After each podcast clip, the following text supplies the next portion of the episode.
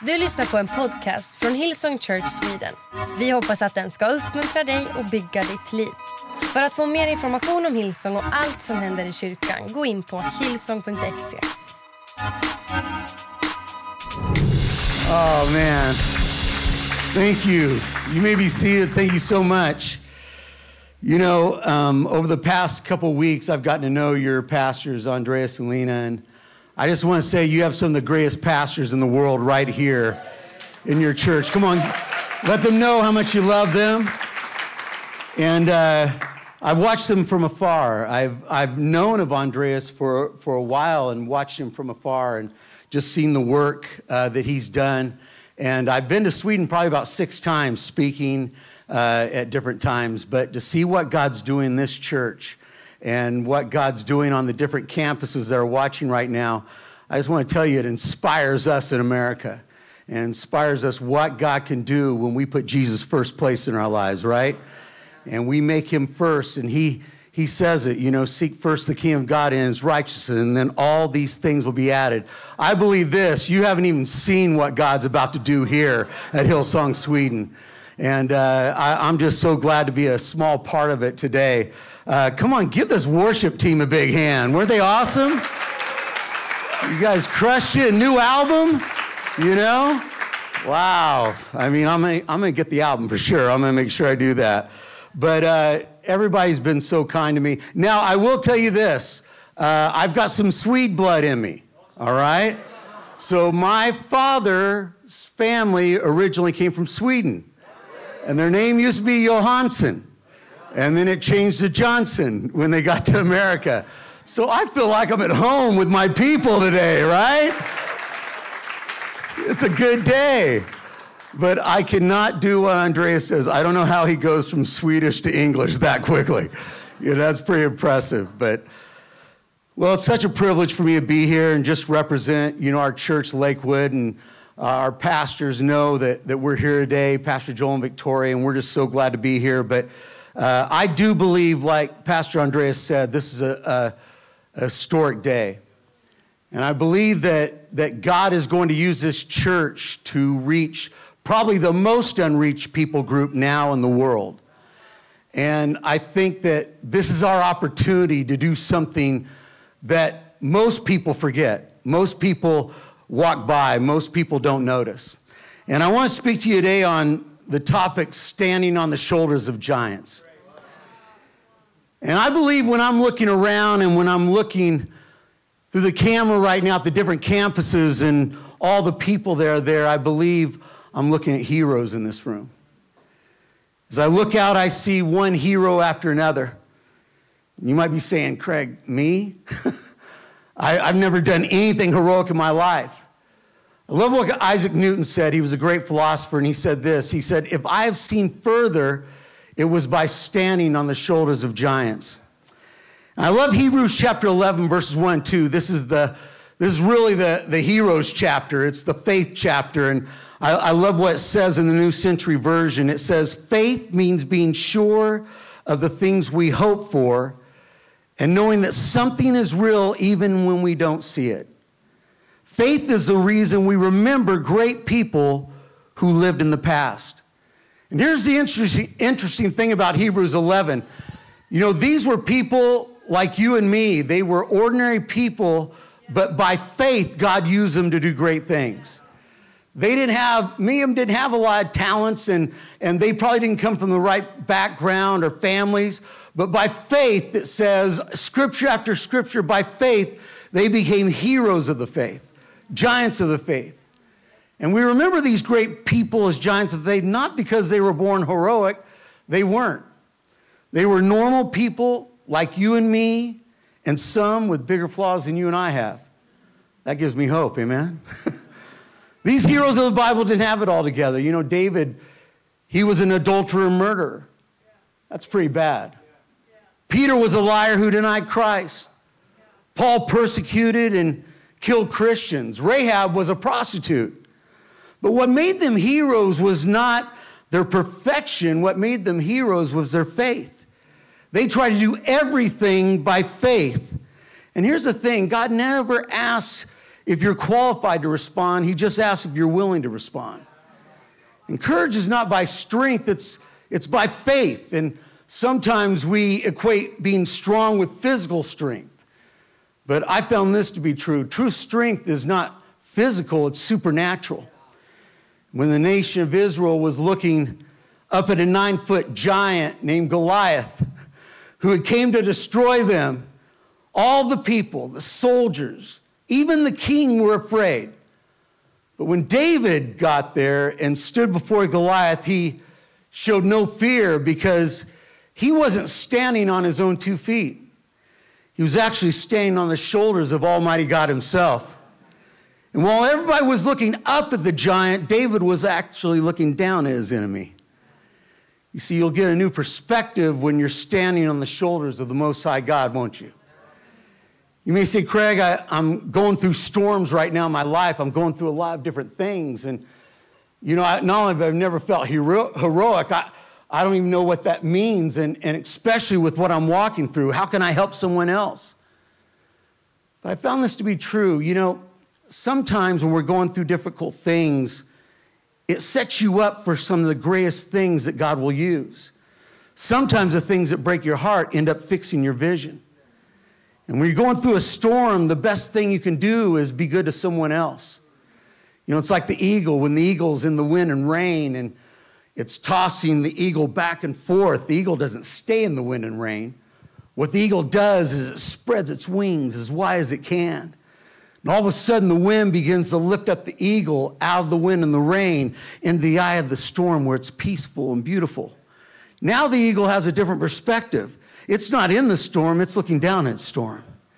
And when you're good to someone else, even when you're going through a storm, you're like the eagle spraying its wings as wide as it can. And then what God does is He lifts you up out of the storm where you can now look down at your problem. And you know what? When you're good to someone else, what happens many times is they want to be good to you because you did something that most people wouldn't do.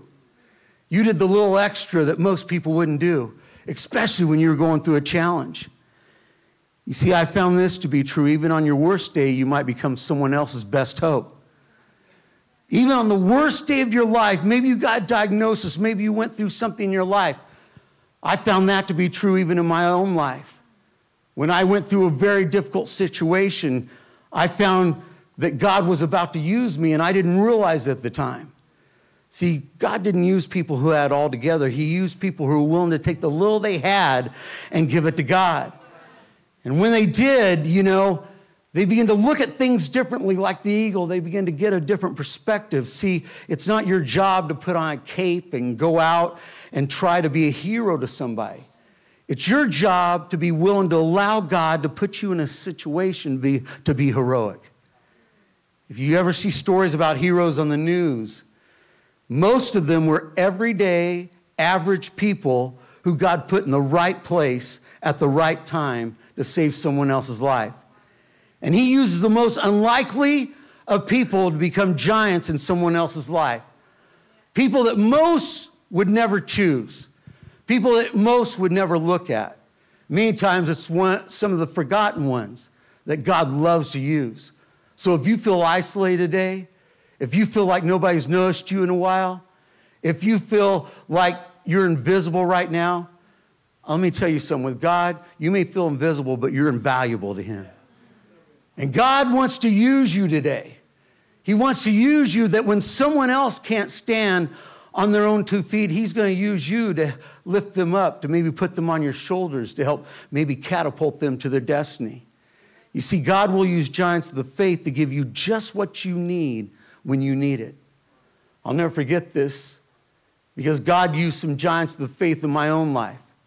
You see, when me and my wife, we had two kids, I want to show my family real quick if we can. I, I just want to introduce them to you if we've got the picture. But we had two kids. We had a boy and a girl, Corey and Courtney. They were 12 years old and 10 years old. And we were basically, we thought we were done having children. And so I went and got that operation on a Thursday to be done having children, right? And then my wife came in crying on the Saturday and she said, You won't believe this. She says, But I'm pregnant.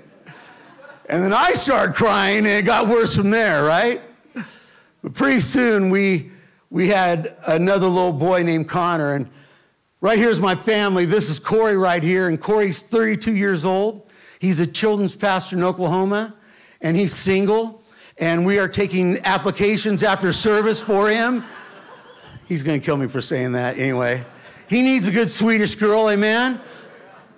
That's Courtney, my daughter, and she's a movie producer and director in Los Angeles. And she just finished a movie called Ordinary Angels with Hilary Swank, and it's about to come out, and we're so proud of her.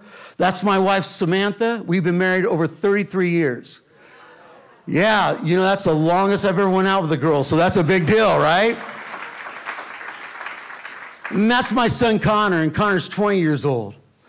When Connor was born, he was really just like my other two kids. You know, he would as he got a little older, about two, two and a half, he would talk to us and say so many words. He would give us a hug and a kiss and show so much emotion.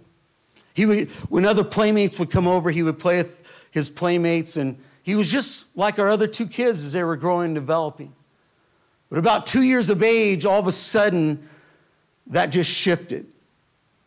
And where he would play with other friends, now he would Within a matter of about two weeks' time, he would go and sit by himself and stare off at the wall. Where he'd give us a hug and a kiss and show so much emotion, now he stopped showing any emotion whatsoever and he would look away. Where he would say, I love you, mommy and daddy, and say so many words. Now he stopped speaking altogether.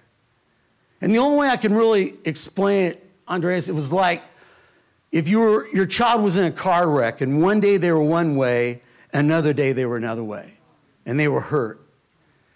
And we didn't know what to do. You know, many times when you, are you're, you're trying to figure out what is going on, we didn't know what to do, and we were trying to figure it out. And of course, we went to doctors, and ultimately, you know, he, he, he did get a diagnosis. I'll never forget the day that he got that diagnosis. I remember I was driving home from Lakewood, and I, I was driving home. My wife called me on the phone, and she, she told me, Craig, Texas Children's Hospital just said that Connor's on the middle of the spectrum and that he's going to have a lot of challenges.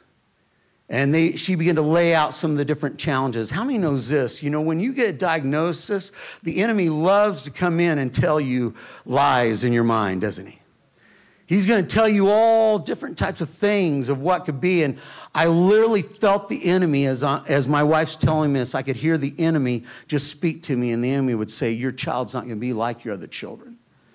Your child's not going to do anything in life. He's going to be worthless. But that moment, instead of listening to those lies, I begin to remember my pastor's messages. And when he would speak these messages of hope, Instead of listening to those voices, I began to stand on his shoulders. Those messages I heard every week that I was holding on to every week, me and my wife.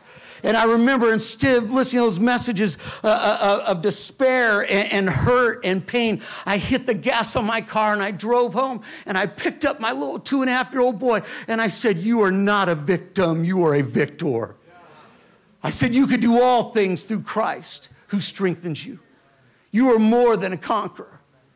You see, God will give us giants to stand on that when we can't stand on ourselves, God will use giants that we can stand on their shoulders. Well, when he stopped speaking, it just kind of got worse. See, he did he knew he could talk at one time, but now he couldn't get the words out. So what he would do is he would point at things. And when we didn't understand what he was saying or what he was needing, he would begin to have these terrible meltdowns. These, I can't really describe how difficult they were. And we were trying to still go to church.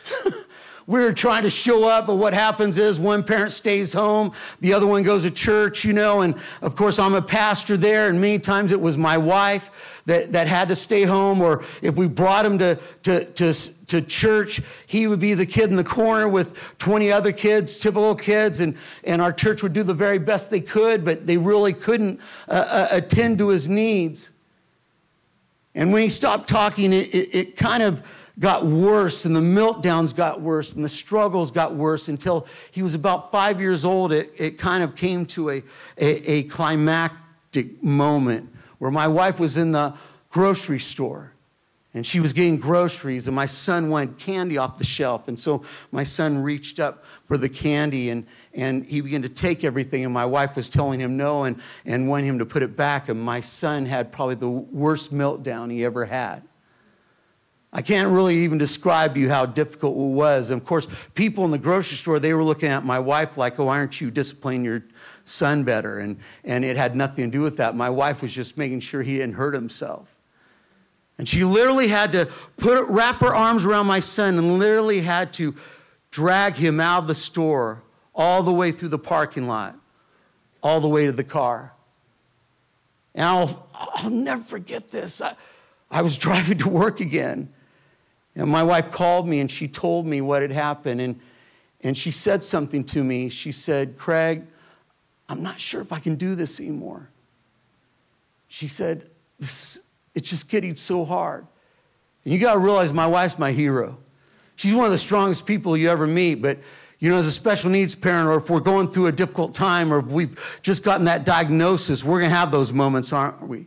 And she was just saying this off of emotion, but for me as a dad and as husband, it was probably the most vulnerable time in my life, probably the lowest time in my life. And I'll never forget, I was driving the car, and all of a sudden I had one of the most intimate conversations I've ever had with God. It was like He was sitting in the seat next to me, and I was talking to Him. It wasn't audible, but it was as close to audible as I've ever had. And I just asked God why. Have you ever asked God why when you're going through a difficult time? Not why we had our son because we love Connor, but God, why is he struggling so much? We're trying everything. We're taking him to doctors, therapists. We're trying everything, and nothing seems to work, and it's getting worse. I'll never forget what God spoke to me. He just said, Craig, your child is not a burden, your child is a gift. I said, God, I, I know what you mean. We love our son, but God, we're trying everything we, we, we, don't know what to do. And he said it again. He said, Craig, your child is not a burden, your child's a gift. He said, You're looking at everything that's wrong with him, you're not looking at what's right with him. And I said, God, what do you mean? And he said, Craig, I'm going to use your son to reach millions of people. Now, I'm going to be honest with you. I have 38 ministers in my family. That's a lot of ministers, right? I come from a church like this one of hope, of faith, but I didn't have it. And I remember picking up a ball of water and I said, God, my son can't even ask for a drink of water. How's he going to reach millions of people? I'll never forget what God spoke to me. And he spoke to me four words, and these are the four words that God will speak to you whenever you're in the desert, whenever you need that cool cup of water, whenever you feel like there's no hope. He'll usually speak these four words, and he just said, Do you trust me? And I didn't give him the pastoral answer, man. I didn't have it. I said, God, you're all we've got. I said, but I trust you. And I thought things were going to get better. I just had this intimate conversation with God, but guess what? It got worse, right? the meltdowns got worse, the struggles got worse. And I remember during that time, if you're going through a storm in your life, I want you to hear me on this. I remember during that time, I couldn't speak elaborate prayers. Many times, all I could say was, I trust you, or I'd speak the name of Jesus. And I found out with God that was enough. Amen? If you're going through a difficult time today, I want you to know. You don't have to have it all together. You don't have to speak elaborate prayers. If you can just speak the name of Jesus, He will show up when you least expect it. He'll give you just what you need when you need it. And all of a sudden, my wife calls from upstairs. This is about three months later. Craig, Craig, get up here. Well, of course, she was in Connor's room. I thought something was the matter. So I run upstairs. And I said, What is it? What is it? She's crying. She said, Craig, I was putting Connor to bed. I was reading him a, a book, and she said, all of a sudden he began to speak. And he began to say one word after another word, one sentence after another sentence, one paragraph after another paragraph. Now you got to realize I haven't heard my son speak two words in three years. And tears started rolling down my cheeks. I said, What do you mean he began to speak? And she said, Craig, he spoke. I said, What do you say? And I'll never forget this. My wife, wife, she walked me over the bed and, and she leaned over the bed and she said, Connor, say it for mommy and daddy. Say it again. And all of a sudden, my little five year old boy looked up and he actually looked at us. And all of a sudden, he began to speak. And he said, This is my Bible. I am what it says I am. I have what it says I have. I can do what it says I can do. Today, I'll be taught the Word of God. I boldly confess. My mind is alert. My heart is receptive. He didn't stop. I'm about to receive the incorruptible, indestructible, ever living seed of the Word of God. I'll never be the same in Jesus' name. That was my son's first words that he spoke. Come on, let's give the Lord a hand clap. You say, Craig, what happened? Well, we didn't know what happened at first. And then we realized, obviously, if you know our church, that's the declaration that we speak before every message. Little did we know when we would bring Pastor Joel's DVD homes, Connor was taking them up to the room. And while he played, it didn't matter if the message changed, that declaration was at the front of every message. And it became his first words that he spoke. Some people will say, Well, Craig, you know, I know a lot of kids, they, they learn, they're able to memorize a lot of things if they have autism. I hear very few kids memorizing spiritual declarations. We knew it was God. And of course, I went the next Wednesday, I was scheduled to speak, and, and, and we, I videotaped Connor saying, This is my Bible. And I don't know about you, but we're criers at Lakewood, right? And Pastor Joel's on the front seat and he's just weeping, you know. And, and, he walks up to me afterwards. He said, Craig, can I, can I speak about this miracle? And I said, Absolutely. And, and he spoke about this miracle. And that video went viral around the world and millions of people heard my son's testimony. And they started sending us emails from around the world how our son's testimony had impacted their lives, how they were so desperate because they felt like there was no hope. Yet we, they saw a glimpse of hope through our son. And it reminded me when I was in the car, God said, Craig, I'm going to use your son to reach millions of people. Will you trust me today? Will you let me get, just give me a chance to do something great? I don't know who I'm speaking to today, but God's saying the same thing to you today. Will you trust me one more time? Will you give me another chance? I'm here for you. I have not forgotten you today. You see what was cool? I'll never forget this, Pastor Andreas. We were doing a night of hope, and I kind of forgotten what God told me in the car. And we were doing a night of hope in Chicago White Sox Stadium, 50,000 people. And Pastor Joel wanted to share Connor's testimony. And we were supposed to walk out on the baseball field. You know, they're sharing it on the Jumbotron, and stuff like that. And I'm watching, I'm looking around. And then as we cross, Connor's waving at everybody, right? And as we cross, God speaks to me. He said, Remember when you were in the car? Remember why I told you to trust me? He said, Look at all these people. Look at all these people responding. He said, I never go back on my word. See, God will give you a giant to stand on. And sometimes a giant will be a person, and some most of the time the giant will be Almighty God Himself. Amen. See, God will allow you to stand on their shoulders when you can't stand by yourself. You know, I think of a little boy that I met in Zambia. See, we started Champions Club in the middle of Zambia, out in the middle of nowhere. And I remember starting this Champions Club, it's in Mongu, and 50 families, 50 ladies came when we launched the Champions Club. And here's a challenge that happens many times. Many times, the divorce rate is so high when it comes to, to special needs, about 80%. So many of the fathers, they don't know how to cope with what's happened. Their vision for their child and it, it, it, changes, and so they don't know how to cope. So, so many times the fathers, and sometimes the mothers, but mostly it's the fathers, they check out. Matter of fact, most of these families, 49 out of the 50 that brought their kids to the Champions Clubs didn't have a father. And I remember this one father who didn't leave his son and we literally went out and we walked across floodplains because I wanted to shake the hand of this one father who didn't believe what society and what their culture said because many times the culture will say this is a curse upon your, your child, this is a curse upon your life. Sometimes it's veiled, you know, with stigmas. Many times, what we do in different countries like America or maybe Sweden is we hide our children. Or many times, what you'll see families do is they're what's called shut in. They've tried to come to church, they've tried to be a part, but there's really been nothing for them. And, and, it's hard enough for them just to get here. And so after a while, they give up. And then lots of times, it's things that are spoken over them, how people look at them, how people view them.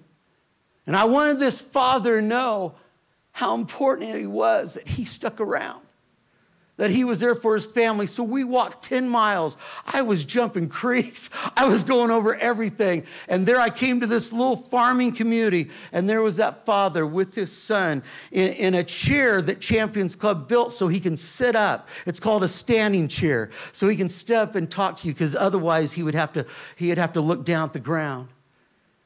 And I went over that father and I shook his hand. I say, I want you to know something. I'm so proud of you.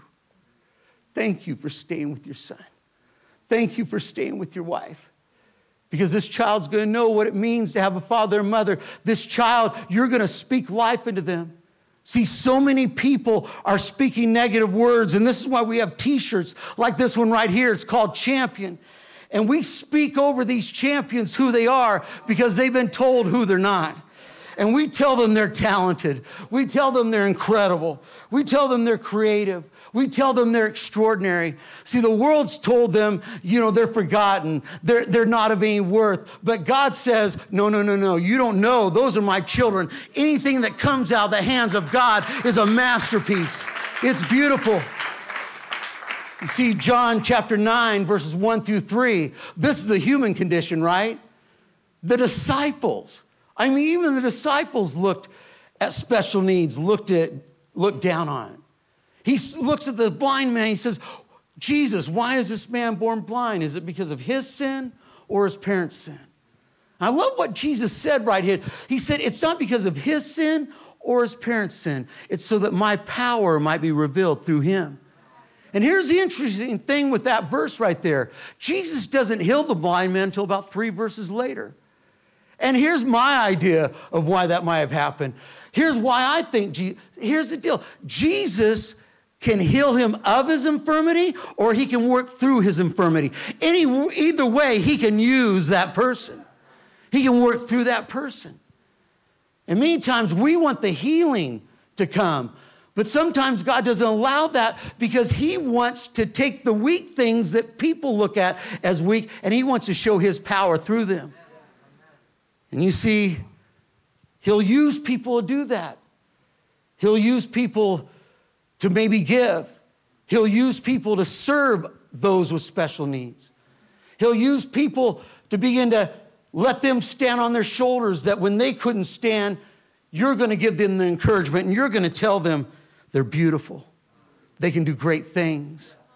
And that's what we begin to speak over these things. See, what happened with that is God didn't want to stop there with my son. I was walking through Lakewood Church, and all of a sudden, I came by the kids' area, and God stopped me and was a second most, to this day, it's the second most intimate conversation with God I ever had. And He said, Craig, He said, look what you're doing for typical kids.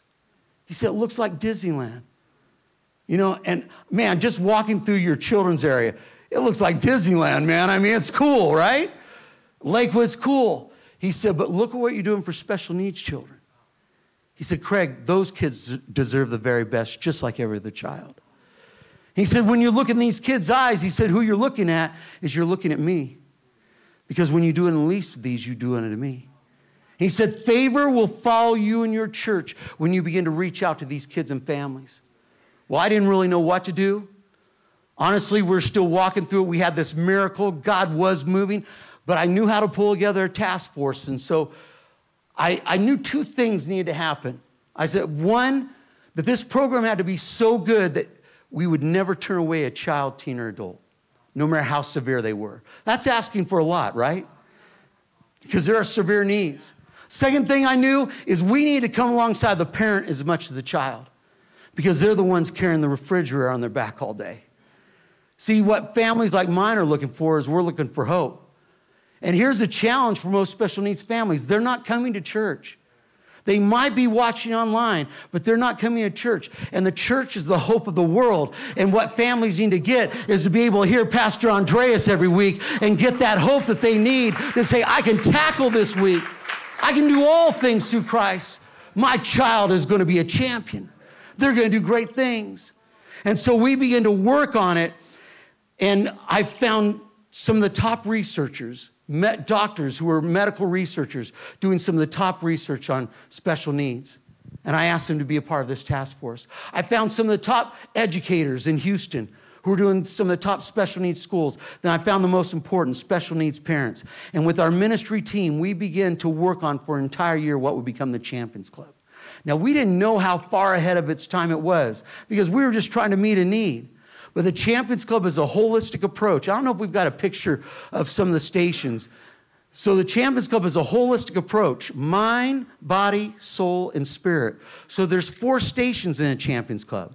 There's a physical therapy station, so that's a physical therapy station right there. And this is where if kids or teens or adults, they have ADHD, they're able to get the, their energy out, work through things. Or if they have different disabilities, we're able to work with them, physical disabilities. Then if we go to the next one, we have a sensory station. Now, this station is really important, and many of you might have seen this, but the sensory station is important that if they're struggling and they come to church, they're struggling, they can calm down in the sensory station. And it can calm them so they can learn. Then they, it also works with the five senses.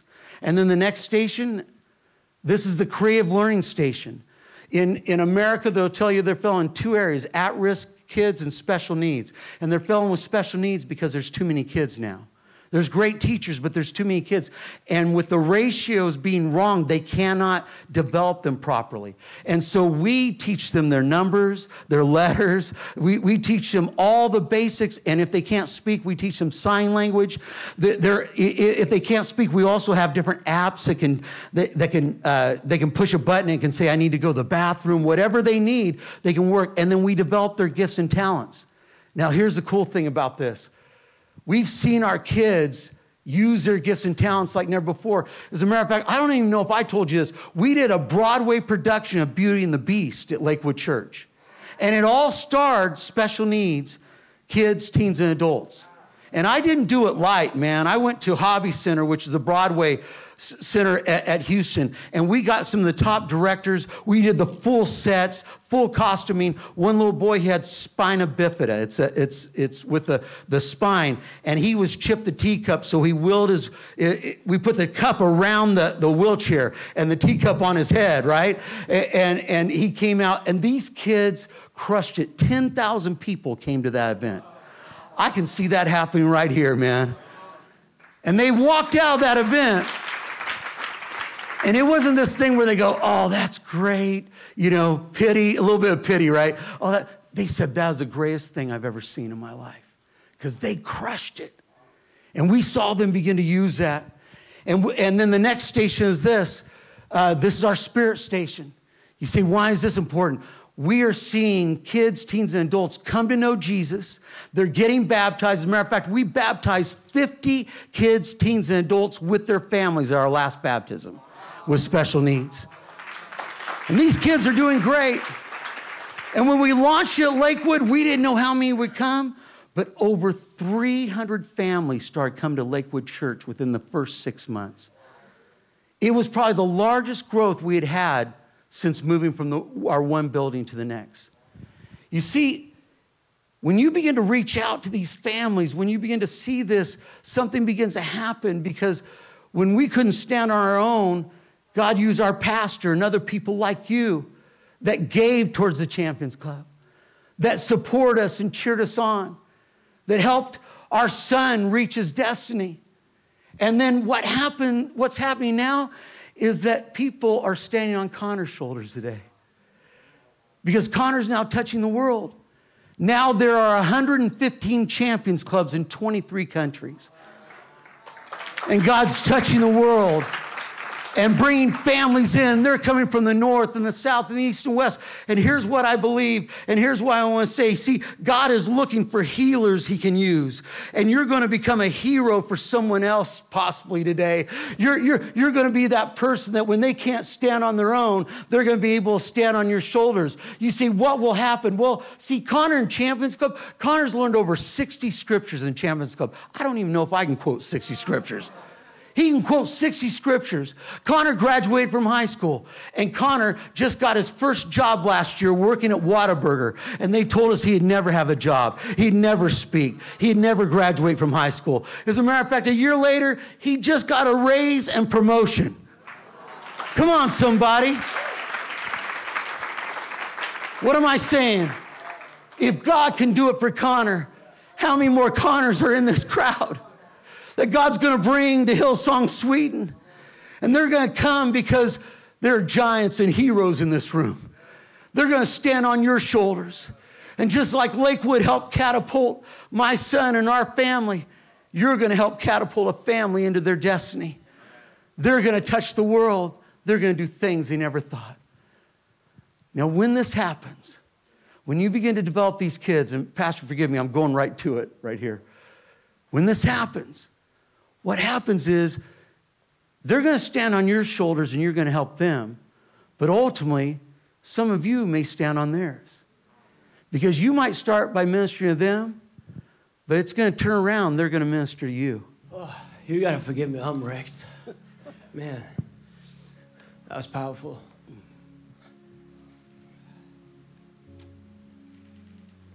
Thank you.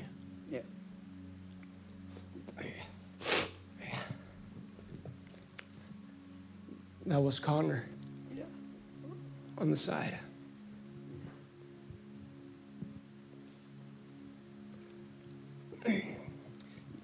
You know, I've learned so much about this the last two years. I don't know, I've cried so much in church last month. Man, I'm losing my image completely. Um, you know, being a pastor for 28 years, youth pastor, then starting this, just being so clueless. Getting to understand the battles and the challenges for a lot of families, raising beautiful kids, beautiful young people with special needs, all the way from physical disabilities to autism, ADHD, ADD, all that stuff. And what it takes for them um, just to hold, hold it together. You know, I got, uh, I think God has taken me on a journey, and, I haven't spoken about it. I've spoken to you about it and a few others. Um, I, I, I, got people in my family, uh, relatives, close family, um, that is ch- uh, battling this, uh, leading through this. Um, made me realize that we have families coming to church or wish they could come to church and if you have a child with uh, special needs, you got to fight school. You got to fight and fight and fight to get help. You got to fight, um, you know, to get diagnosed. You got to fight to get the right medication. You got to fight. You got to fight. And the burden on the parents to just um, feel like you get some kind of, you know, progress is so big. And even getting coming to church might seem like the biggest, biggest, biggest obstacle and challenge in life. So the parents that needs it the most, they don't come. Because we don't have a plan. When church should be the place, when you fight all week, when you try to be a parent, this is where you should get fresh water. But you can't make it. And we got to do better. We got to do better. I feel like uh, there's been so much shame put on special needs. And even people are afraid to share their stories and, and to share a diagnosis. But if we looked at how Jesus looked at it, you know, we all have challenges. Matter of fact, probably all of us have a little bit of special needs in here, right? And, you know, I think God's wanting to say, I didn't put that shame on you. That's the enemy. That's, that's maybe how society views things. But I want to work through your life. I want to do things through you that are going to amaze people. How my power can work through those situations. And I think if we could take away the shame from these families and we can begin to speak over them who God says they are, but we can't do that if they can't come. we can't do that if we have nothing for them. See, these families want to come and serve. They want to come and be a part of a community. They would love to be a part of those connect groups. They would love to, to, to come and give and be a part. But here's the truth if you didn't have something for my son Connor, I couldn't come to your church. And man, for a life giving church like this, this church can lead the way. it can change it. And we will. Yeah, we will. I think God is calling us to it. And I think only, also, you know, not only make, make it possible for them to come, man, we need to raise these kids. Um, like they need the best of the best. Yeah. Like it's not only, you know, to make them being able to be in church, yeah. they got gold in them. Yeah. And society is not going to pull it out of them. I think church should be a place, no matter what special needs you have, this is the place that you're going to find out that God loves you. He has a plan for you. You're talented. You need to be able to uh, find those gifts, develop those gifts. And I'm, I'm thinking about all the kids that we and youth that we're missing, that God is, He wants to send them out to touch people. And we're not reaching them and we're not training them and we're not helping them um, see themselves in a different way than the, the stigma the world is putting on them. We're not helping the parents to see their kids in a different way than the doctor tells them. And uh, I think we, we, we uh, they deserve more than, more than the best. And, you know, learning about this and, and also, you know, living close to it, um, you know, society is not going to do that. And I think there's so many families, there's so many, there's so, so many families out around our cities that maybe don't, they don't even believe in God yet. But they have, like you said, no hope. They're just trying to cope. They're carrying that big burden on their back. They never feel like they're winning. Imagine all the people that we could reach for Christ. Imagine if our churches was the place where even the doctors and the, you know, like all the schools say, hey, why, why don't you try going to that church because there's something happening with, with kids and young people when they start to go to that church. They just make, make progress like n- nowhere else. I think we can reach people for Christ by serving these beautiful kids and, and youth and, and families in a way that we never even thought of. And I'm going to tell you something, Craig. Well, I've told you, but I never told church. Um, uh, see, people might not come back after this. I might come with you. But, uh, you know, I grew up, and we, we, we're coming to an end, you know. I grew up, you know, just school was a challenge, you know. Uh, I, I didn't fit in school. I, you know, I'm, I've actually taken an IQ test and I had super, super high. And my doctor said, Don't be too happy. The only thing an IQ test tells you is about how good you are at taking an IQ test. you know, so, all right. So um, doc, I'm, I, I got it documented that I'm smart, okay? I didn't like school. I, I you know, it didn't fit, it didn't work, you know.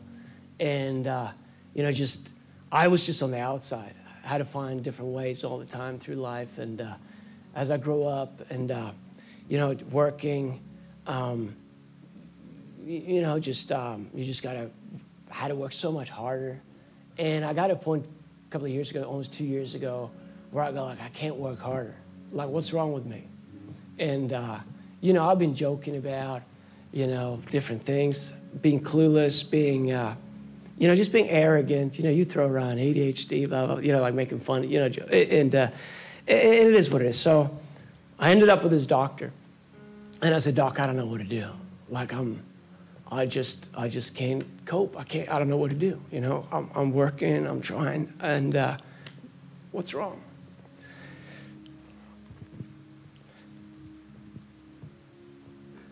You know, I, I'm known for, I'll push through.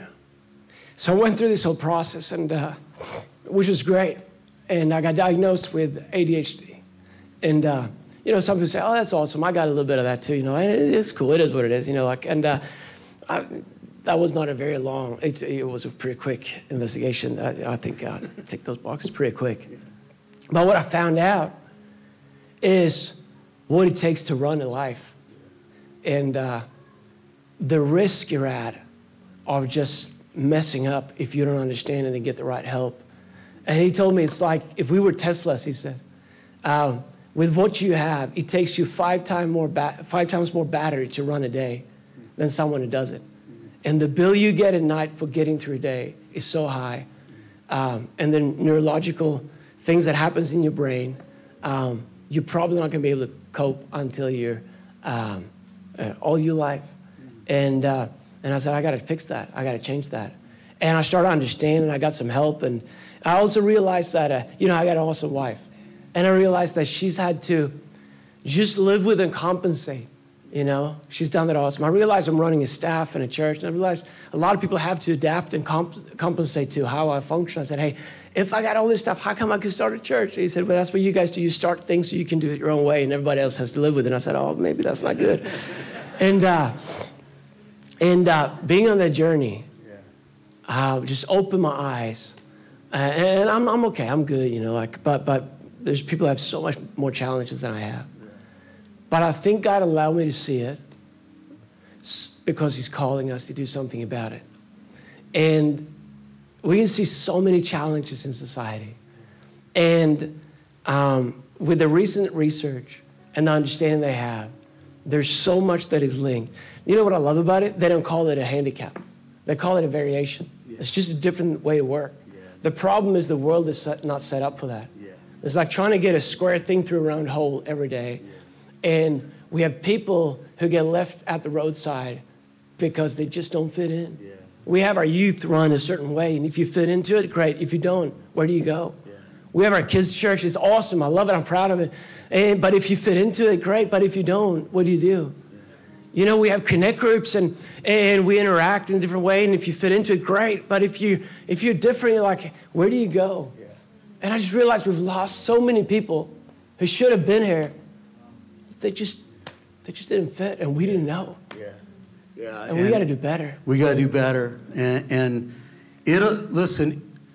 First of all, thank you for sharing your story. That's one of the. It's one of the most difficult things for people to do is just be willing to, to share their story.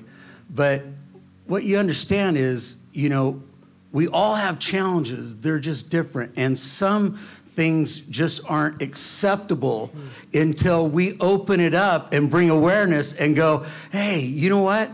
We're going to work with their challenge yeah. just like we're going to work with your challenge. Yeah. And it may look different, but, but God wants to work through that. Mm. And I think God wants to work through so many of these kids, teens, and adults. But if we're not the conduits, if we don't provide a way for them for God to work through yeah, them. Then they've got no chance. Yeah. And so they'll be hidden. But today's a new day. Yeah, it is. It is, it is. and, and I believe today, with, with just your pastor sharing it and, and you allow me to share today, I truly believe this, man. I mean, I'm watching it happen at Lakewood. It has changed Lakewood far more than we've changed the families. And more testimonies come out of Champions Club. And these kids are going to college now. They're, they're doing breakthroughs creatively that's blowing your mind, but it never would have happened if we would have opened up for the church. And so I think what you're doing here today, Pastor Andreas, you're saying, hey, it's our time. And we're going to begin to open up our hearts and we're going to see these kids, teens, adults, and families become everything God created them to be, just like everybody else. Yeah because that's how God looks at it. And I think, um, you know, we're going to do all we can. We're going to do everything we can to make sure that there will not be one family, one child, or one youth who does not come and fulfill the God given destiny because we did not make him fit, or we couldn't serve them, or we didn't have anything for him. So And on a personal note, I'll say if I could, I mean, I, I know people have far greater challenges than I've had. And I've always kept mine as I didn't understand what it was. But if I could help just one person to not have to fight like I've had or have to maybe pay some of the price I've, I've had to, um, man, I'd give everything for it. Everything. So, what we're going to try to do, um, it's not going to be overnight, but we're committed um, at our campuses as we're rolling this out slowly. And we're gonna, we, we, we formed a partnership. So, we're going to partner with Lakewood, and we're going to start Champions Club here in Hillsong, Sweden. Yeah, come on. And it's going to be a lot of steps. Yeah. So, you're here this week. We're looking at how we can rebuild facilities. We got to build rooms. We got to train leaders. We got to learn. Um, we got to start minister to parents. You know, we we need to. Oh man, I'm I'm passionate about that. And we need to start serving kids. And we need to start seeing this. Uh, we need to train our teams how to meet people, how to spot it, how to respond to it, how to make them feel welcome. He's going to go through our church, and uh, it's not going to be doing, done overnight. This is a big, big step, and it's a, it's a long commitment. And it's going to cost us a lot, a lot of money. And it's going to be worth every, every penny of it. And one of the greatest things this year with Heart for the House that I really felt like God has put in my heart, I'm passionate about this is Christmas, our, our thing we do. I'm, I'm passionate about uh, summer camp that we do. I was supposed to talk about that today, but we've talked about it so much. That's one of the things we give to. Like a lot of stuff that we do, we can't afford. Like we can't do more than we do now. Like we, we do everything we can when everything comes in. If we got to do more, we got to find resources. So our, we got Heart for the House as our one-time offering every year that enables us to do stuff that God calls us to do, but we can't. Yeah. But through the shared sacrifice, we can. And this year, one of the biggest thing that we're going to give to is that we can start champions clubs in every campus in uh, Hillsong, Sweden, one at a time. And I'm going to be honest, you know, we're going to do what we can with little, but we want to do this right. This is going to cost us millions.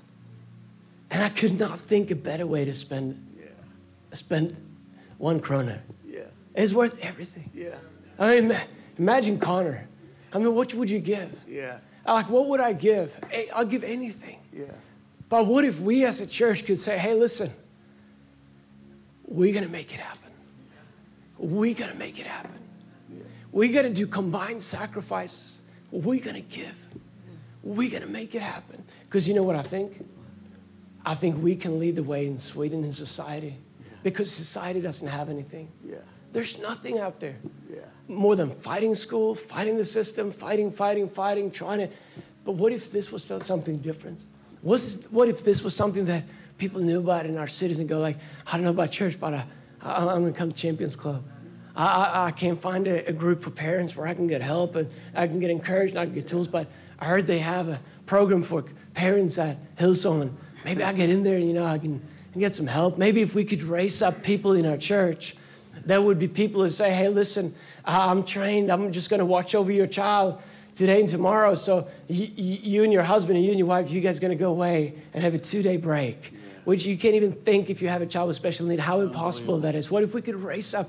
I know in church that we have people who work in schools, you're educated, you have knowledge. We Just when I threw this out a while ago, people have contacted me, and we have people who know about this stuff. We, it's like God has brought people here already, and I think we can do so, so much. And I, I, I'm absolutely bold in asking our church, in Heart for the House, I want you to do more than you ever had.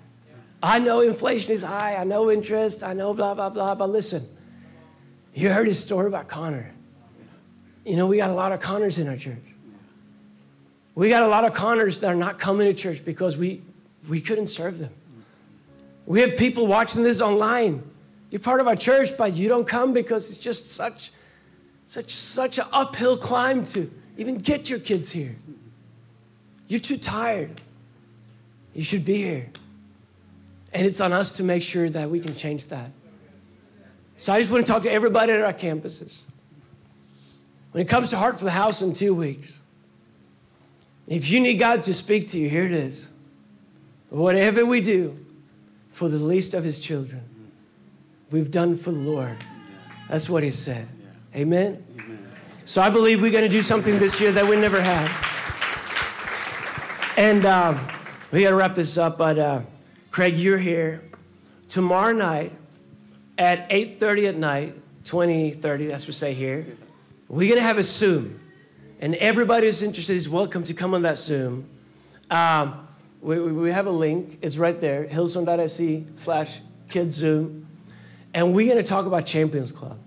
If you have a child with special needs, or if you know somebody, or you're an adult and you have a special need, or you, you just feel like something, man, I want to be a part of this. I want to learn about this. Or maybe you work with this at school, like you, anyone, and say, man, I, I, I want in. We're going to have a Zoom. Now, listen, we're not going to do an old school Hillsong, flick, flip a switch and print t shirts and say, go. We're going to learn. It's going to, it's going to take a minute. We're going to start somewhere. But tomorrow night, we're going to do Zoom. And we're going to talk about what the, some of the steps are going to be. And if you, uh, we want you there, all right? If you have a child or a youth, special needs, any special need, if you got skills, if you got a passion, uh, if you're a leader working with kids and youth, especially, uh, this is a great opportunity. Yeah. And we're proud and very grateful for being able to partner with Champions Club, with Pastor Joel and Victoria and Lakewood Church. And uh, we believe uh, it's a God thing. And uh, and um, we're very grateful for you. Yeah, I just want to say, whew, I'm getting emotional right now, but you can use this. It's a little bit yeah, wet. thanks, man. I appreciate it. Uh, I think it's historic what's happening here today.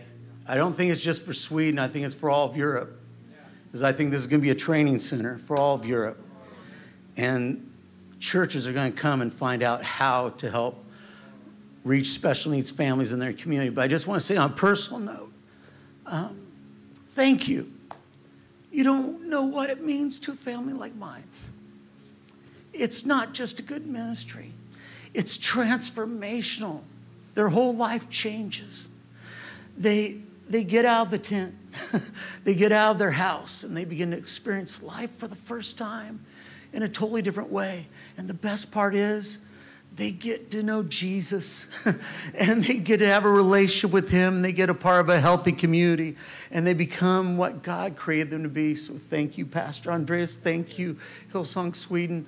It means so much to us and we bless you. And remember this what God told me.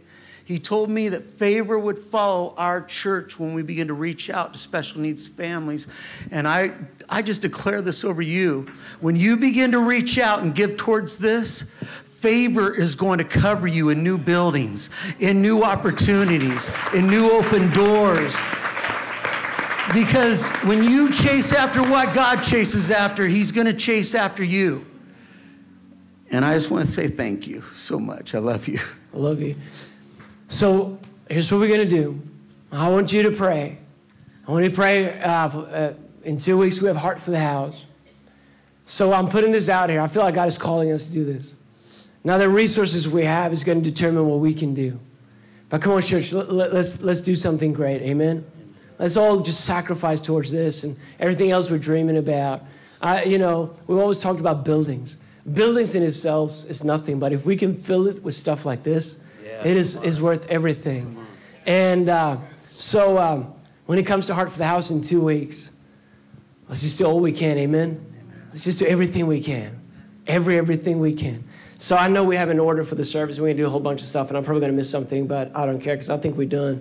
Here's what we're going to do. I know we're linked to all our campuses. Now, usually we do an altar call. If you don't know Christ, um, get to know him. Just pray a simple prayer when this service is over. Come back tonight. Um, if you're in the in, in, here in Stockholm, come back tonight at six o'clock at our city campus or Gothenburg, or come next week and we're to pray together. Come back to church. But I feel like we're going to end like this. And um, everybody, while we're together, all the campuses. And Craig, would you pray for us? Yeah. Would you close this service in a prayer? Absolutely. Father, I just thank you for this amazing church, these amazing people that you're using so greatly in this city, in this country, and around the world. I thank you, God, for their hearts, for the broken, the hurting, the forgotten, those that, that are many times left out and their heart to reach them because that's your heart, God. God, you already have us, but Father, you, you want to reach those that, that, that people aren't reaching right now. And I believe this church is about to go on a journey that's going to be so transformational, Father. It's going to be so transformational, not just for the families that are going to be impacted by this, but God, it's going to be transformational for us as individuals in this church and new testimonies and great, great, great accomplishments are going to come through this. And we're going to look 10 years from now, and we're going to remember this day, this milestone, this God moment day that we had here today, and we're going to say, God, look at all you've done. We're seeing families that are healthier than ever before. We're seeing kids, teens, and adults and parents come to Christ. We're seeing Jesus being glorified and including every family, Father, every person.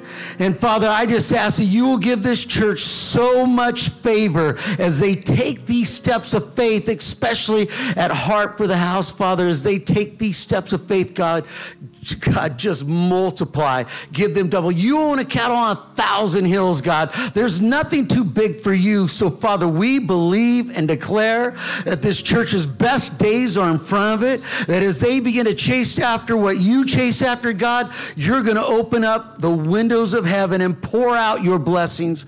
And we believe it. We declare it in Jesus' name. And everyone said, Amen. Amen. Amen. All right. Du har lyssnat till en podcast från Hillsong Church Sweden.